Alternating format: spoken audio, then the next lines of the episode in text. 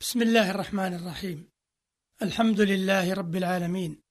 والصلاة والسلام على أشرف الأنبياء والمرسلين نبينا محمد وعلى آله وصحبه أجمعين.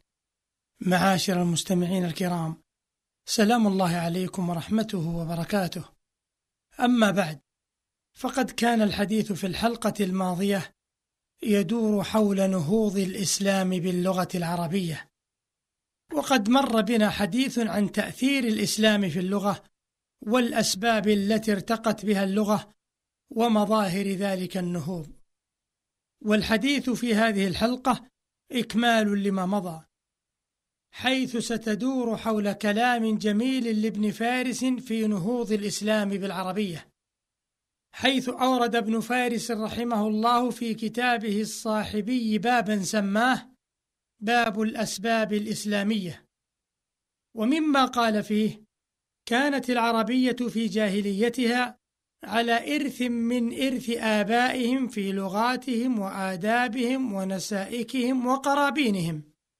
فلما جاء الله جل ثناؤه بالإسلام حالت أحوال ونسخت ديانات وأبطلت أمور ونقلت من اللغة ألفاظ من مواضع إلى مواضع أخر بزيادات زيدت وشرائع شرعت وشرائط شرطت. فعف الآخر الأول وشغل القوم بعد المغاورات والتجارات وتطلب الأرواح والكدح للمعاش في حالة الشتاء والصيف وبعد الإغرام بالصيد والمعاقرة والمياسرة بتلاوة الكتاب العزيز الذي لا يأتيه الباطل من بين يديه ولا من خلفه تنزيل من حكيم حميد. وبالتفقه في دين الله عز وجل وحفظ سنن رسول الله صلى الله عليه وسلم مع اجتهادهم في مجاهدة أعداء الإسلام. فصار الذي نشأ عليه آباؤهم ونشأوا عليه كأن لم يكن وحتى تكلموا في دقائق الفقه وغوامض أبواب المواريث وغيرها من علم الشريعة وتأويل الوحي بما دون وحفظ حتى الآن. فصاروا بعدما ذكرناه إلى أن يسأل إمام من الأئمة وهو يخطب على منبره عن فريضة فيفتي ويحسب بثلاث كلمات. ثم أورد ابن فارس رحمه الله قول أمير المؤمنين علي بن أبي طالب رضي الله عنه حين سئل عن ابنتين وأبوين وامرأة قال علي رضي الله عنه صار ثمنها تسعا فسميت المنبرية.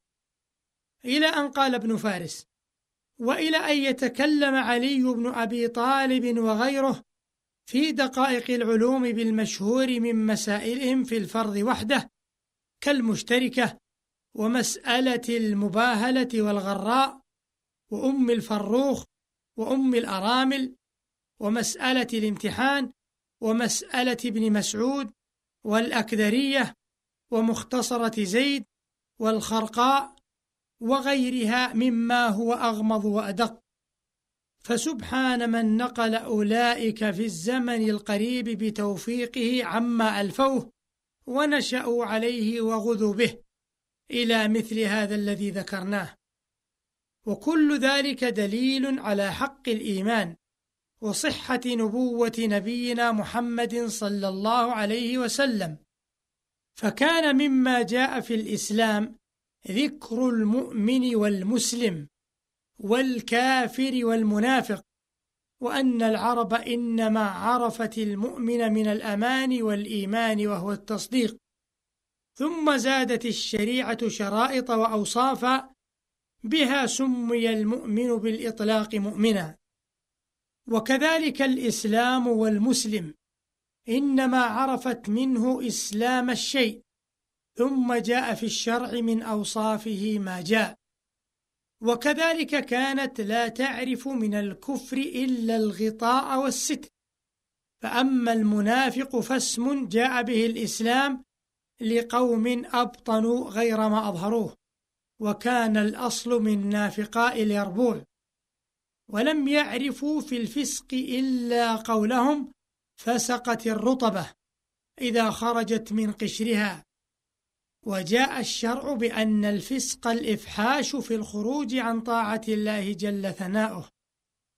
ومما جاء في الشرع الصلاة وأصله في لغتهم الدعاء وقد كانوا عرفوا الركوع والسجود وإن لم يكن على هذه الهيئة فقالوا أو درة صدفية غواصها بهج متى يرها يهل ويسجد وقال الأعشى يراوح من صلوات المليك طورا سجودا وطورا جؤارا. والذي عرفوه منه أيضا ما أخبرنا به علي عن علي بن عبد العزيز عن أبي عبيد قال قال أبو عمرو أسجد الرجل طأطأ وانحنى. قال حميد بن ثور فضول أزمتها أسجدت سجود النصارى لأربابها. وأنشد فقلنا له أسجد لليلى فأسجدا يعني البعير إذا طأطأ رأسه لتركبه. وهذا وإن كان كذا فإن العرب لم تعرفه يمثل ما أتت به الشريعة من الأعداد والمواقيت والتحريم للصلاة والتحليل منها. وكذلك الصيام أصله عندهم الإمساك ويقول شاعرهم خيل صيام وأخرى غير صائمة تحت العجاج وخيل تعلك اللجما ثم زادت الشريعة النية وحضرت الأكل والمباشرة وغير ذلك من شرائع الصوم. وكذلك الحج لم يكن عندهم فيه غير القصد وسبر الجراح. من ذلك قولهم وأشهد من عوف حلولا كثيرة يحجون سب الزبرقان المزعفرة والسب هي العمامة.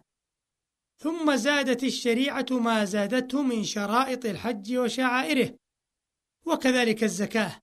لم تكن العرب تعرفها إلا من ناحية النماء وزاد الشرع ما زاده فيها مما لا وجه لإطالة الباب بذكره. وعلى هذا سائر ما تركنا ذكره من العمرة والجهاد وسائر أبواب الفقه. فالوجه في هذا إذا سئل الإنسان عنه أن يقول في الصلاة اسمان لغوي وشرعي ويذكر ما كانت العرب تعرفه ثم ما جاء الإسلام به.